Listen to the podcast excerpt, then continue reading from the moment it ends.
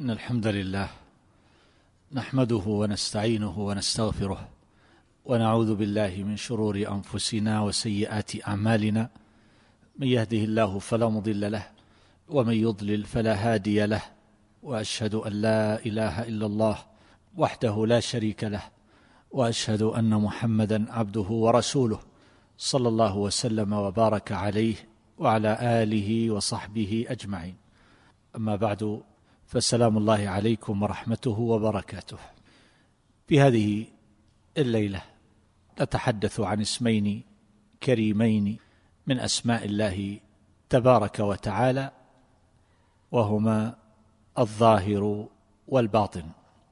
وهذا الحديث له اتصال بالحديث عن الاسمين قبلهما وهما الأول والآخر.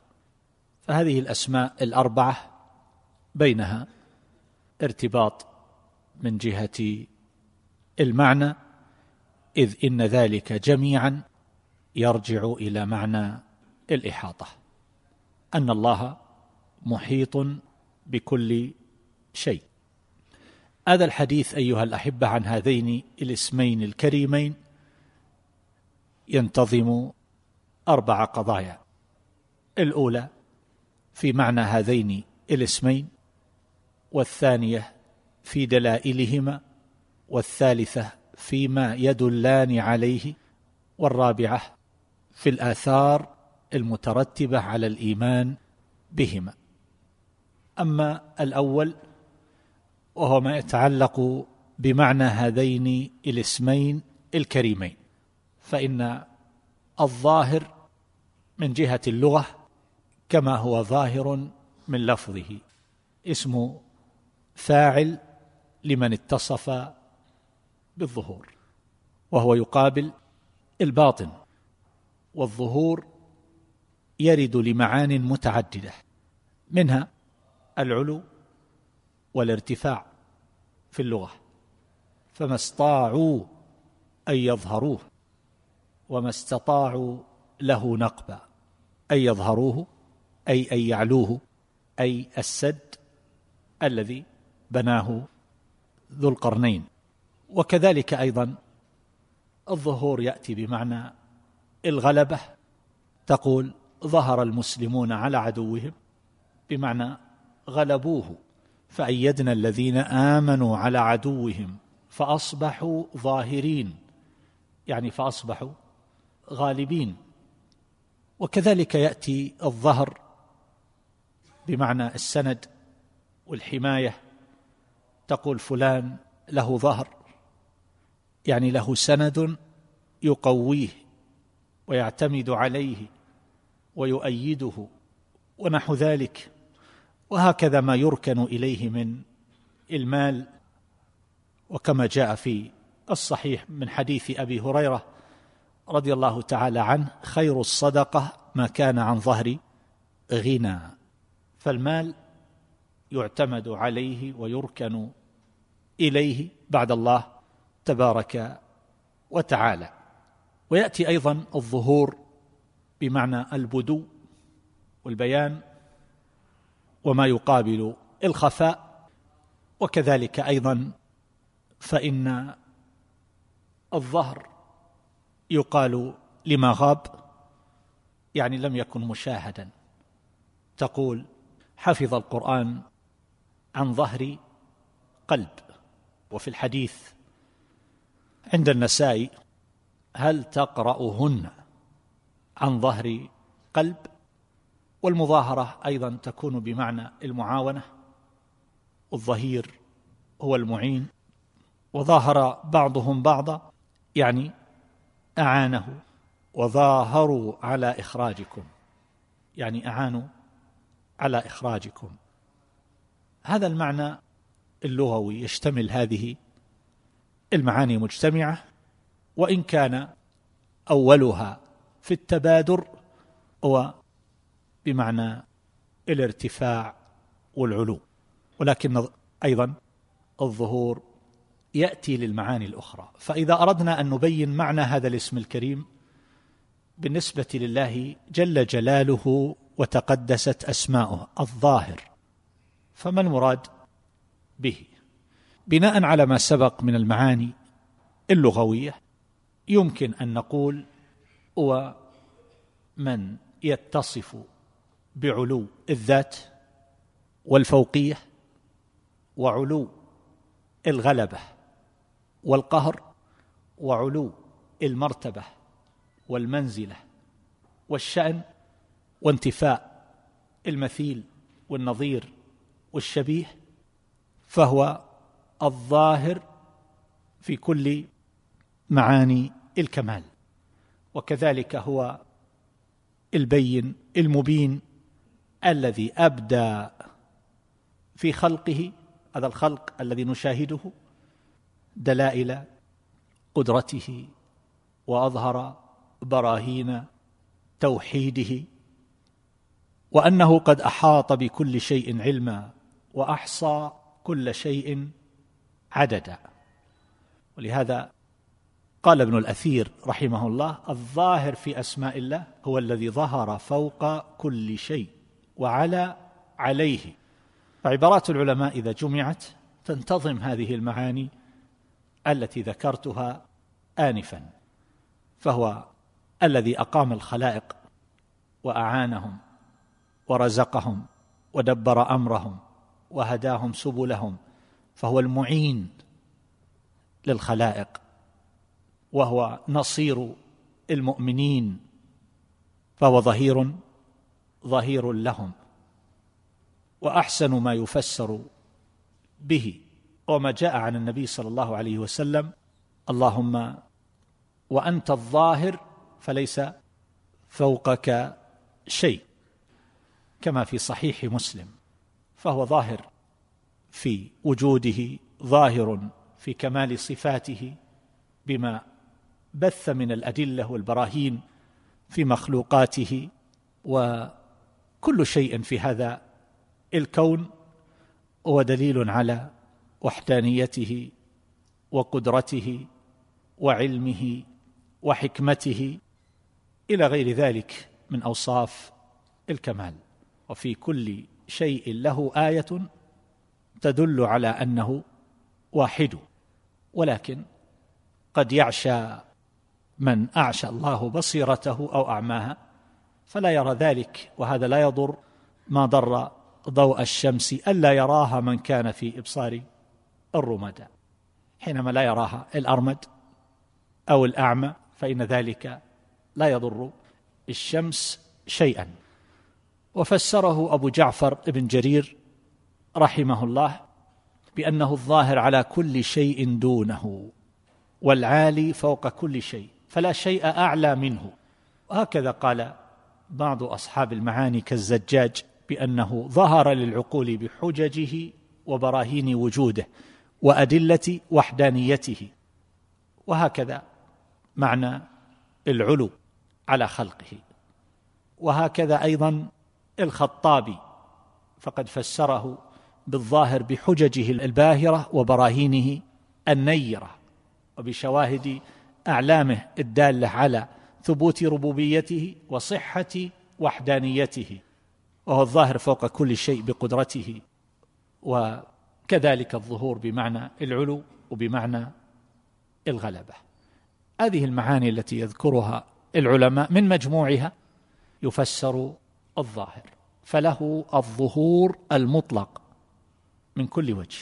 قد قال الحافظ ابن القيم رحمه الله معبرا عن بعض هذه المعاني في سياق طويل في نونيته أكتفي منه ببيتين أو نحو ذلك. يقول والظاهر العالي الذي ما فوقه. شيء كما قد قال ذو البرهان. حقا رسول الله ذا تفسيره ولقد رواه مسلم بضمان الحديث الذي أخرجه الإمام مسلم في صحيحه. والظاهر الذي ليس اللهم وأنت الظاهر فليس فوقك شيء. إلى آخر ما ذكر الحافظ ابن القيم رحمه الله. وفسره الشيخ عبد الرحمن بن سعدي رحمه الله بما يدل على عظمة صفاته واضمحلال كل شيء عند عظمته من الذوات والصفات وأنه يدل أيضا على علوه. هذا هو الظاهر. ظهور العلو علو الذات والقدر والمنزلة والقهر. الظهور بمعنى أنه من قد أبان وأظهر دلائل الوحدانية والقدرة وما إلى ذلك. وأما الباطن فهو في اللغة أيضا اسم فاعل لمن اتصف بالبطون. والبطون يقابل الظهور والبطن من كل شيء هو جوفه. والله عز وجل يقول والله أخرجكم من بطون أمهاتكم. لا تعلمون شيئا. والبطون أيضا يقال للخفاء والاحتجاب وعدم الظهور ولا تقربوا الفواحش ما ظهر منها وما بطن يعني ما كان في الخفاء. على قول مشهور في التفسير. وبطن الشيء أساسه المحتجب الذي تستقر به وعليه الأشياء. وفي الحديث جاورت بحراء شهرا فلما قضيت جواري نزلت فاستبطنت بطن الوادي. والله تبارك وتعالى يقول وهو الذي كف أيديهم عنكم وأيديكم عنهم ببطن مكة. والبطنان جمع البطن وهو الغامض من الأرض. بطنان الجنة وسطها. وتقول بطنت هذا الأمر إذا عرفت باطنه. وبطنت بفلان يعني إذا صرت من خواصه. ولهذا يقال البطانة. بطانة الرجل هم وليجته كبطانة الثوب مما يلي الجسد فهو أقرب ما يليه. وهكذا أيضا يمكن أن نفسر الباطن في حق الله تبارك وتعالى إذا عرفنا هذه المعاني في كلام العرب. فأبو جعفر ابن جرير رحمه الله يقول هو الباطن لجميع الأشياء فلا شيء أقرب إلى شيء منه كما قال تعالى ونحن أقرب إليه من حبل الوريد وهكذا يقول الشيخ عبد الرحمن بن سعدي رحمه الله بأن ذلك يدل على اطلاعه على السرائر والضمائر والخبايا والخفايا ودقائق الأشياء كما يدل على كمال قربه ودنوه فهو ظاهر ومع ذلك هو أيضا باطن فهو باطن مع ظهوره. ومن هنا تدرك معنى الإحاطة في أوصافه تبارك وتعالى.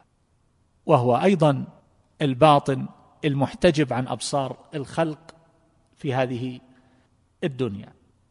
وكذلك أيضا لا يحاط به في الآخرة وإن كان أهل الإيمان يرونه.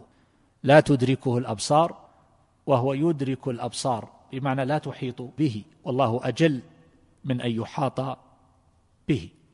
ولهذا فسره مثل النووي رحمه الله بأنه المحتجب عن خلقه. وبعضهم يقول العالم بالخفيات وهذه المعاني مما يدخل فيه والله تعالى أعلم. فهو كما قال ابن جرير رحمه الله من أنه أقرب وكذلك هو الباطن لجميع الأشياء فلا شيء أقرب منه. وكذلك أيضا هو العالم ببطانة الشيء يعني الذي يعلم باطنه يعلم الخفايا والخبايا والأسرار وحركات النفوس وما يدور في الصدور وما يختلج فيها وما يخفيه الإنسان عن غيره في سره وخلوته فالله تبارك وتعالى مطلع على ذلك. وقد فسره النبي صلى الله عليه وسلم بقوله وأنت الباطن فليس دونك شيء وهذا الاسم الذي تضمن هذا الوصف لله تبارك وتعالى لا يقتضي السفول فالله منزه عن ذلك فهو العلي الأعلى ولا يقتضي أنه مخالط لخلقه فهو على عرشه استوى. ثانيا في الكلام على دلائل هذا الاسم الكريم. جاء هذا في كتاب الله تبارك وتعالى في موضع واحد وهو قوله هو الأول والآخر والظاهر والباطن وهو بكل شيء عليم. وأما في السنة فالحديث الذي أشرت إليه آنفا وأنت الظاهر فليس فوقك شيء وأنت الباطن فليس دونك شيء. لاحظ هذا الاقتران بين الظاهر والباطن وقد تحدثت في المرة الماضية بشيء من وجه الاقتران بين الأول والآخر. فهذه الأسماء الأربعة جاءت مقترنة في الآية والحديث.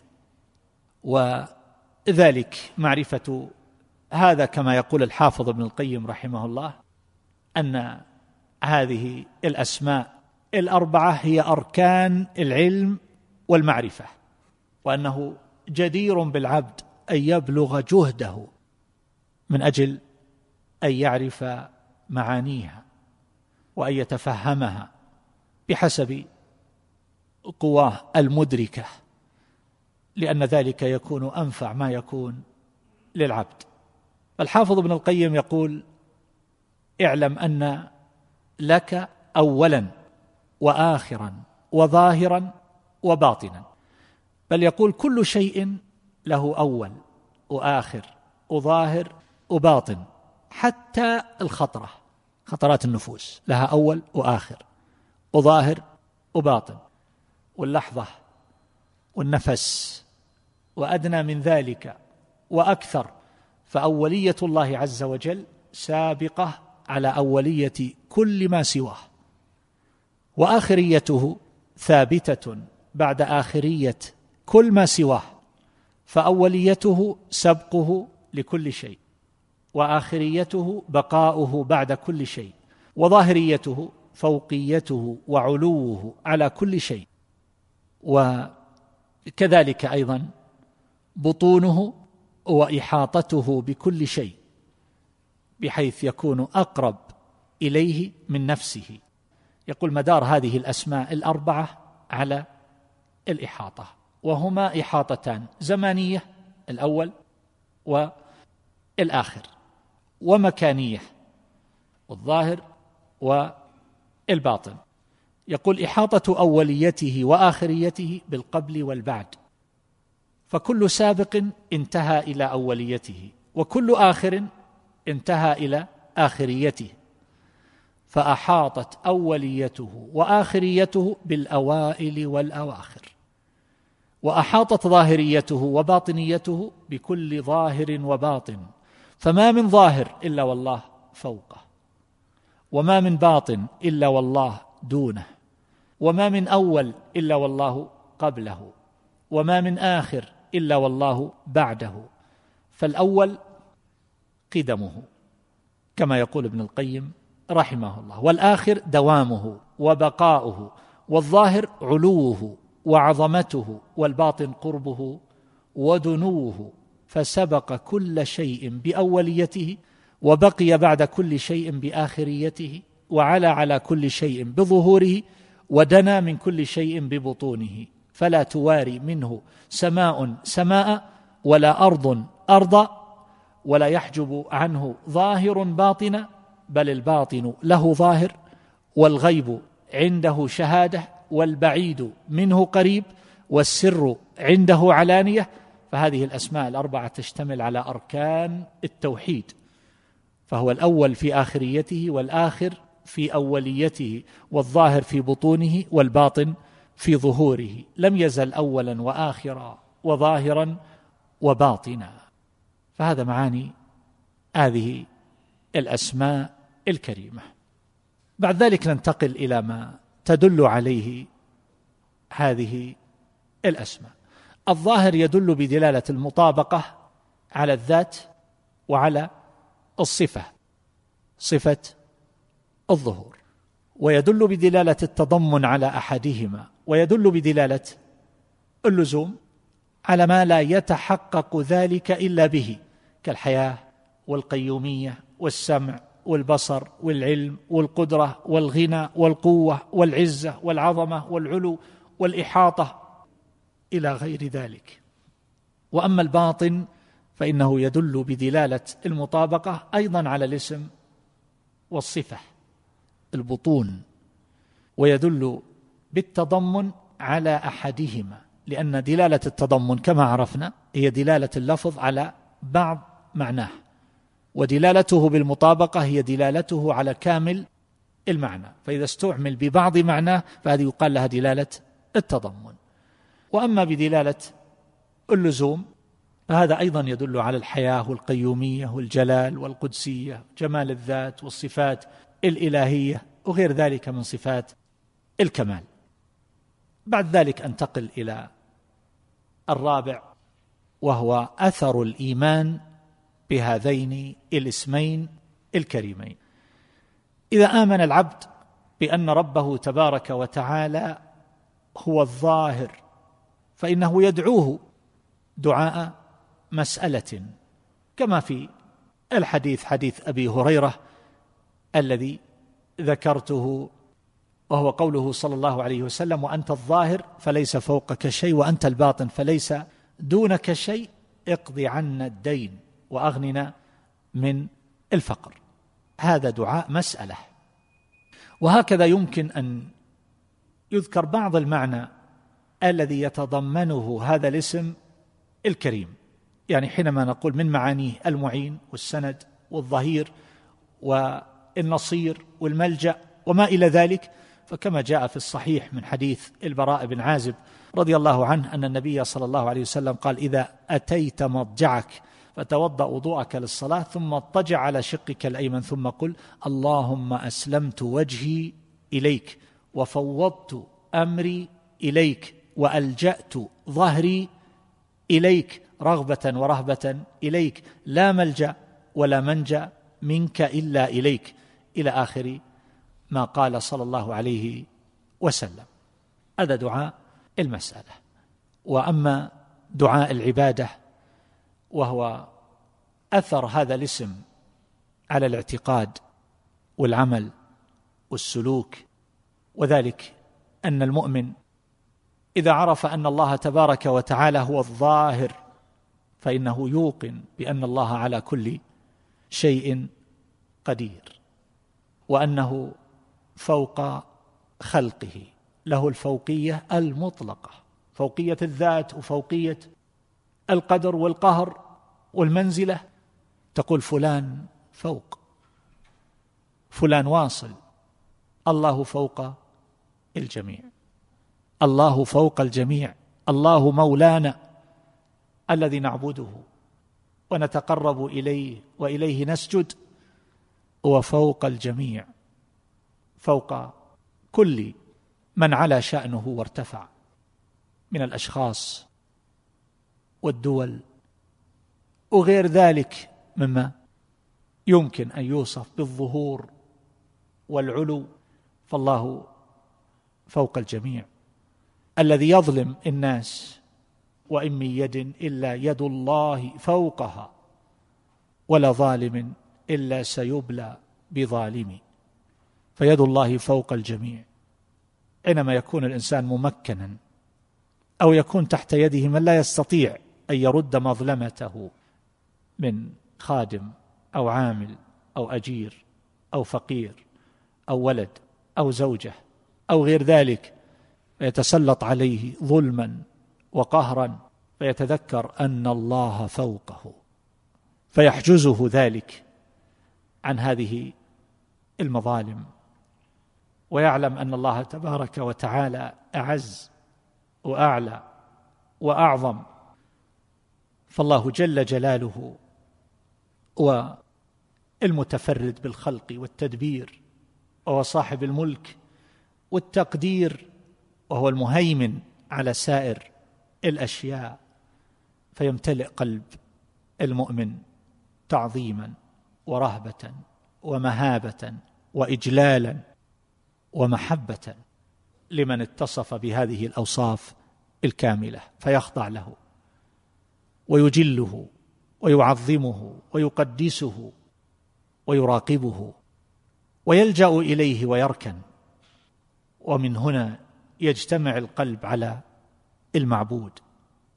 وهذا أثر الاعتقاد الصحيح على أصحابه أو هذا من آثاره فيكون له رب يقصده وصمد يصمد إليه في حوائجه وملجأ يلجأ إليه فتستقيم له عبوديته وتصير له وجهة ويكون عنده موئل ومعقل يلجأ إليه ويفر إليه في كل وقت وحين. بخلاف ذاك المشتت الضائع الذي ليس له رب يعبده أو له رب يعبده لكنه عنده في كل مكان. فإذا توجه قلبه تشتت وتفرق. هذا القلب. لأنه يعتقد أن ربه في الأعلى والأسفل. وفي كل مكان بلا استثناء. فهؤلاء أصحاب هذه العقائد الفاسدة الذين لا يثبتون لله عز وجل العلو والظهور كيف يتوجهون إليه ويصمدون إليه في حوائجهم. من لا يؤمن بأن الله تبارك وتعالى هو الظاهر بمعنى ظهور القدر والمنزلة والمعين والنصير وما إلى ذلك. يركن إلى من؟ ويلجأ إلى من؟ ويعتمد على من؟ ويثق بمن؟ إذا كان يعتقد أن العبد يخلق فعله كما يقول القدرية فمعنى ذلك أن هؤلاء ممن يفنون الخلق ويفسدون في الأرض أن هؤلاء يصنعون أفعالهم بعيدا عن تقدير الله وقدرته وإرادته وخلقه. فهذا من أبطل الاعتقاد ومن اسوئه أثرا. لكن حينما يعلم الإنسان أن ربه تبارك وتعالى لا يكون شيء إلا بتقديره وتدبيره وإرادته فإنه يلجأ إليه في السراء والضراء ويعلم أن نواصي الخلق بيده. والله تبارك وتعالى يقول عن نفسه يدبر الأمر من السماء إلى الأرض ثم يعرج إليه ويقول إليه يصعد الكلم الطيب والعمل الصالح يرفعه فيصير لقلب المؤمن. يصير له رب يقصده وإله يتوجه إليه بخلاف ذاك الضائع المشتت. وكذلك أيضا الباطن. فإنه يدعى دعاء المسألة ويتعبد له بهذا الاسم الكريم كما في الحديث وأنت الظاهر الذي ليس فوقك شيء وأنت الباطن الذي ليس دونك شيء. وكذلك أيضا ما يناسب هذا مما يقرب من معناه مما جاء عن رسول الله صلى الله عليه وسلم. وكذلك ما ينشئه المؤمن من الأدعية التي تتصل بهذا المعنى بحسب حاجاته ومقاماته. وكذلك إذا أيقن العبد بأن ربه تبارك وتعالى متصف بهذه الصفة البطون فيعلم أنه عليم قريب يعلم السر وأخفى. ومن هنا فإنه يسأل ربه تبارك وتعالى جميع حاجاته في سره ونجواه ويعلم أن الله تبارك وتعالى يسمع هذه المسألة والدعاء. اللهم اغفر لي ما قدمت وما أخرت وما أسررت وما أعلنت وما أسرفت وما أنت أعلم به مني. أنت المقدم وأنت المؤخر. لا إله إلا أنت. وكذلك أيضا إذا عرف أن ربه تبارك وتعالى هو الباطن فهنا يعلم أن ربه قريب وأن البعيد قريب منه وأن البواطن كالظواهر. بالنسبة إليه وأن السرائر بادية مكشوفة فيعامله بمقتضى هذا الشهود فيطهر سريرته. فلا يكون في قلبه شيء أو أشياء بخلاف ما في ظاهره. ولا يكون الإنسان في حال خلوته على غير ما هو في جلوته وإنما يكون على حال مستويه. ليس له إلا وجه واحد لا يلقى الناس بوجه ثم بعد ذلك ينكفئ عنهم بوجه آخر. كلامه فيهم بالعلانية ككلامه فيهم بالسر. حاله إذا خلأ كحاله إذا بدأ. لا يستخفه الشيطان ولا يستهويه ولا يتلاعب به فيضيع حظه عند ربه تبارك وتعالى فالسر عنده علانية ويصلح الإنسان حاله في غيبته. والله عز وجل يقول من خشي الرحمن بالغيب وجاء بقلب منيب ويقول إلا من أتى الله بقلب سليم سليم من الشرك وسليم من الكفر وسليم من الشك وسليم من الشبهات وسليم من سوء الظن بربه ومن سوء الظن بالناس وسليم أيضا من الغل والحقد والحسد والشحناء وما إلى ذلك من الأمور التي تدنسه وتفسده. فيكون طاهرا في ظاهره وفي باطنه وثيابك فطهر. فالثياب هنا تشمل الباطن تطهير الباطن. فالعرب تعبر عن الباطن بالثياب. يقال فلان طاهر الثوب يعني زكي النفس. وكذلك طهارة الظاهر. والله تبارك وتعالى يجمع بين الظاهر والباطن. فليس الشأن أيها الأحبة بإصلاح الظواهر مع إغفال البواطن تفتك بها الآفات النفسية أو الشكوك والشبهات التي تعصف بها. وليس الشأن أيها الأحبة بدعوى إصلاح البواطن مع إهمال الظواهر فإن هذه الأمور متلازمة وللرب تبارك وتعالى عبوديات فيما يتصل بالظاهر وفيما يتصل بالباطن. فالعبودية الحقة هي التي يتقرب بها ويتعبد مع ملاحظة هذه الأسماء. أن الله تبارك وتعالى هو الظاهر والباطن. وهذه قضية أيها الأحبة نحن أحوج ما نكون إلى تأملها والوقوف عندها. وكذلك أيضا ما يؤثره الإيمان بهذين الاسمين مجتمعين. فإذا عرف العبد أن ربه تبارك وتعالى هو الظاهر والباطن يعلم أن ربه تبارك وتعالى محيط بالعالم. العلوي والسفلي وأن العوالم جميعا في قبضته وأن السماوات السبع في يده كخردلة في يد العبد. وإذ قلنا لك إن ربك أحاط بالناس أحاط بالناس والله من ورائهم محيط ولهذا يقرن تبارك وتعالى بين هذين الاسمين الدالين على هذين المعنيين.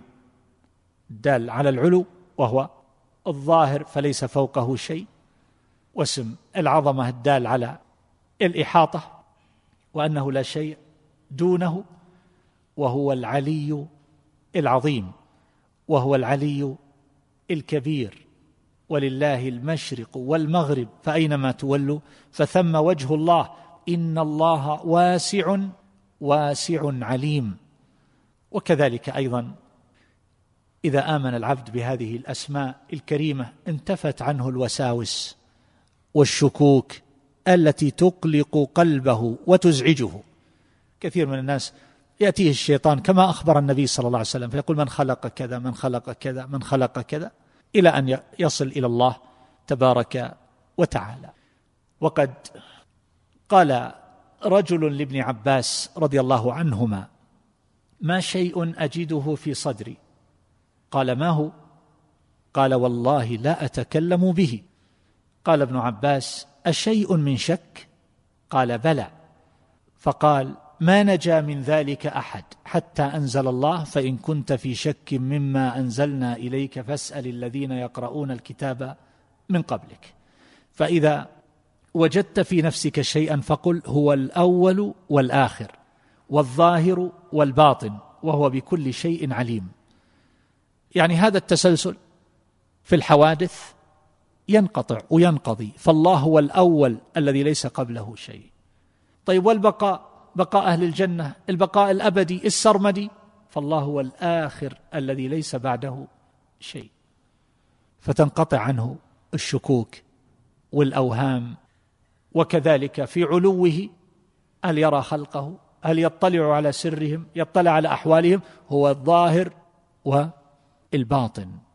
فهنا تنجلي الشكوك والاوهام والوساوس المقلقة التي لربما بددت راحة الإنسان وأزعجته وصار إلى حال من الضيق والحزن بسبب ما يلقيه الشيطان من هذه الخواطر والوساوس السيئة التي ينبغي أن لا يلتفت إليها بحال من الأحوال.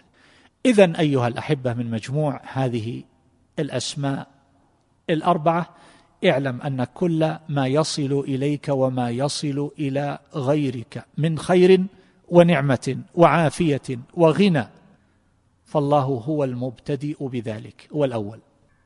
ما حصل للأولين والآخرين على تقادم الدهور فإن الله هو الأول هو الذي ابتدأ خلقهم وأوجدهم وأعطاهم ومنحهم ورزقهم هو الذي أمدهم بالقوى والقدر والإمكانات. وأدر عليهم الأرزاق.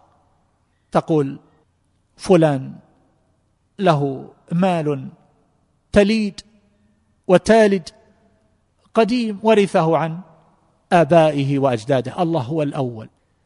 فالذي أعطاه قادر على أن يعطيك لأن بيده خزائن السماوات والأرض. ما بيدك فهو من الله ليس بإمكاناتك ولا قدراتك ولا ذكائك ولا حرفك إنما الله تبارك وتعالى هو المبتدئ بذلك هو الأول. إذا رأيت من تعجب بعلمه أو خبرته أو فصاحته أو بنعمة أعطاها الله عز وجل له فاعلم أن الله هو الأول هو الذي ابتدأ بذلك وهو أحق بصفات الكمال. فينبغي أن يكون التعظيم له والإجلال والمحبة والخوف والرجاء كما أنه هو الآخر فهذه التي تكون بيد الخلق من الملك والغنى والقوة والمنعة والإمكانات الله هو الآخر. أمم مكنت منذ خلق الله الخليقة أخبرنا عن هؤلاء الأقوام من قوم نوح وقوم هود وقوم صالح وقوم شعيب. وقوم إبراهيم وقوم لوط وكذلك من جاء بعدهم لا يحصيهم إلا الله تبارك وتعالى.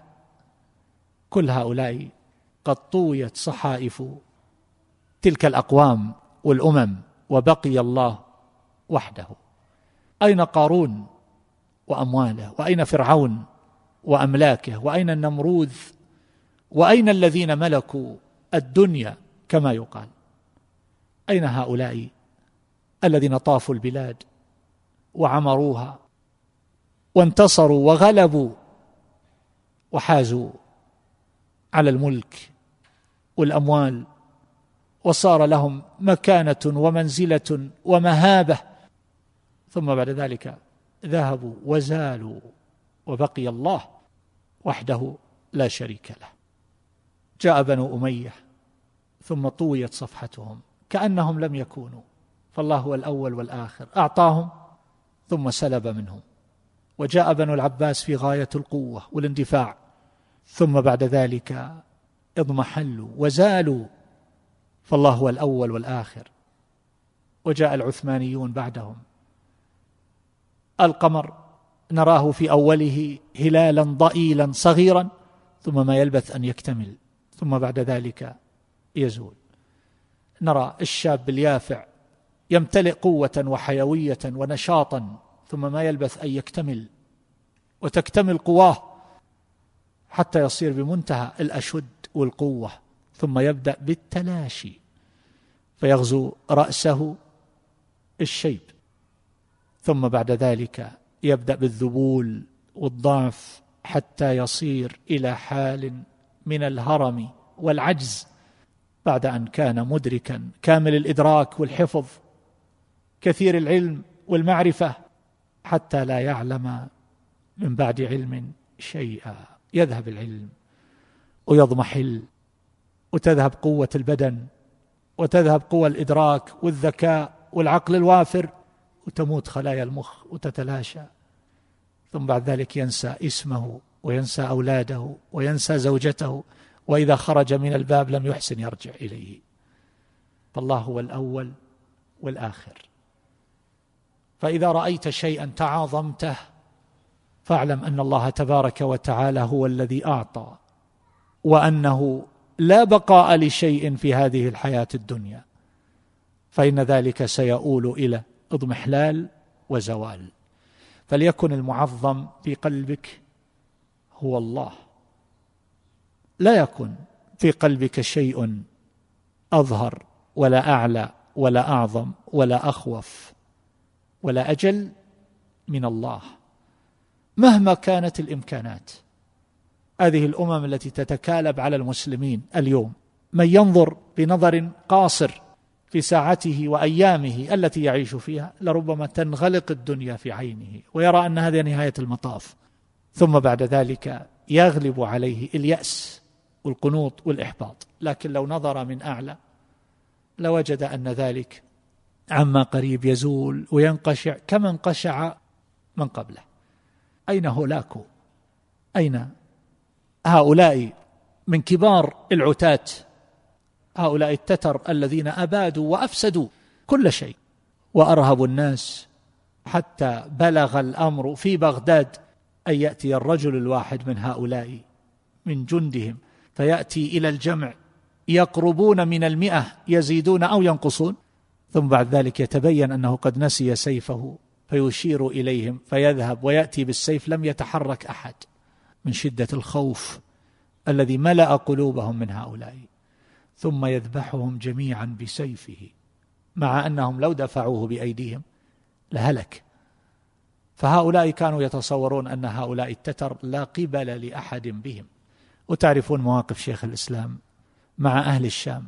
أراد الناس أن يفروا الأمراء والتجار والوجهاء وعامة الناس ويتفرق الجند.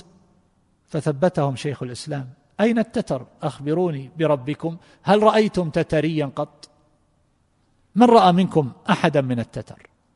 زالوا واضمحلوا وانتهوا وسيزول غيرهم. فالبقاء لله وحده. هؤلاء الذين كادوا وعادوا وأفسدوا وحاربوا دين الله تبارك وتعالى عبر القرون الممتدة منذ بعث الله نوحا صلى الله عليه وسلم إلى يومنا هذا. أين هم؟ هل تعرفون من عاصر نوحا صلى الله عليه وسلم من هؤلاء الكفار بأسمائهم؟ هل تعرفون الملأ من قوم نوح بأسمائهم؟ هل تعرفون الملأ من قوم هود بأسمائهم؟ هل تعرفون الملأ من قوم صالح بأسمائهم؟ هل تعرفون الملأ من قوم شعيب بأسمائهم؟ كل هؤلاء زالوا وانتهوا وصاروا خبرا بعد عين وبقي دين الله هو الظاهر. وكلمة الله هي العليا. ارتد العرب بعد الإسلام بعد موت النبي صلى الله عليه وسلم. وما بقي إلا أهل مكة وبعض أهل هذا الساحل وأهل المدينة. ثم ماذا؟ ذهب أولئك من أهل الردة. وكذلك أيضا جاء الصليبيون وجاء قبلهم التتر وجاء ما يسمى بالاستعمار وما تركوا بلدا إلا دخلوها الا هذه البلاد. حتى تركيا التي كانت عاصمة السلطنة العثمانية دخلوها إلى عاصمتها بخيل بفرس أبيض جيء به من اليونان باعتبار أن محمد الفاتح حينما فتح القسطنطينية دخلها بخيل أبيض بفرس أبيض نكاية مثلا بمثل وسواء بسواء حتى بلون الخيل من شدة حقدهم وحنقهم. ثم ماذا؟ ذهب هؤلاء وعاد المسلمون من جديد وبقيت كلمة الله هي العليا وإن كان مكرهم لتزول منه الجبال. لكن دين الله بقي. فأيها الأحبة اثبتوا على الحق. ولا تيأسوا ولا تبتئسوا فالله هو الأول وهو الآخر ولكنه يبلو بعض الخلق ببعض. وهي أحيان وأزمان وأوقات في أعمارنا قد تطول ولكنها في معيار الله عز وجل ليست بشيء هي كأحلام. تنتهي. التتر حينما دخلوا بلاد الشام ماذا فعلوا بحلب ودمشق وغيرها؟ في دمشق فعلوا الأفاعيل. كانوا قد أعطوا أهلها الأمان فلما دخلوها عاثوا بها فسادا. ثم أباحها لجيشه. ثم بعد ذلك أطلق فيها من معه من السوقة والمماليك والأراذل فكان النساء والأطفال والصبيان قد اجتمعوا في الجوامع فأتوهم وقد أوثقوا الرجال فصاروا يفجرون بالأطفال والنساء على مرأى من الرجال في الجوامع ولا تسمع إلا الصياح والصراخ والعويل ثم قتلوهم. يقول المؤرخون لا ترى في شوارع وطرقات دمشق إلا صبيا ليس له أم ليس له أب ليس له أحد. فصارت خرابا. ثم أحرقوها. وكانت من أفضل وأحصن وأمنع البلاد أعني دمشق في ذلك الوقت. أحرقوها إحراقا. ثم ماذا؟ ثم انقشعوا. وزالوا وبادوا. وبقي دين الله. عاد المسلمون من جديد. وعاد إسلامهم. وارتفعت أصوات المآذن. مصطفى كمال أراد أن ينقل العاصمة إلى بلد لا يوجد فيها مئذنة ولا يسمع فيها صوت الأذان. ثم تحولت تلك المدينة إلى بلدة هي من أكثر البلاد مآذن. وأين هو؟ فهذا دين الله تبارك وتعالى هو الأول والآخر. فلا تبتئس ولا تقنط وإذا أصابك نعمة فلا تبطر وإذا أصابك بلوى فلا تجزع. اثبت واصبر. فإن الله تبارك وتعالى هو المبتدئ وهو الوارث وهذا ما سنتحدث عنه في الدرس القادم إن شاء الله تبارك وتعالى. أعني اسم الله الوارث. أسأل الله عز وجل أن ينفعنا وإياكم بما سمعنا وأن يجعلنا وإياكم هداة مهتدين. والله أعلم. صلى الله على نبينا محمد وعلى وصحبه.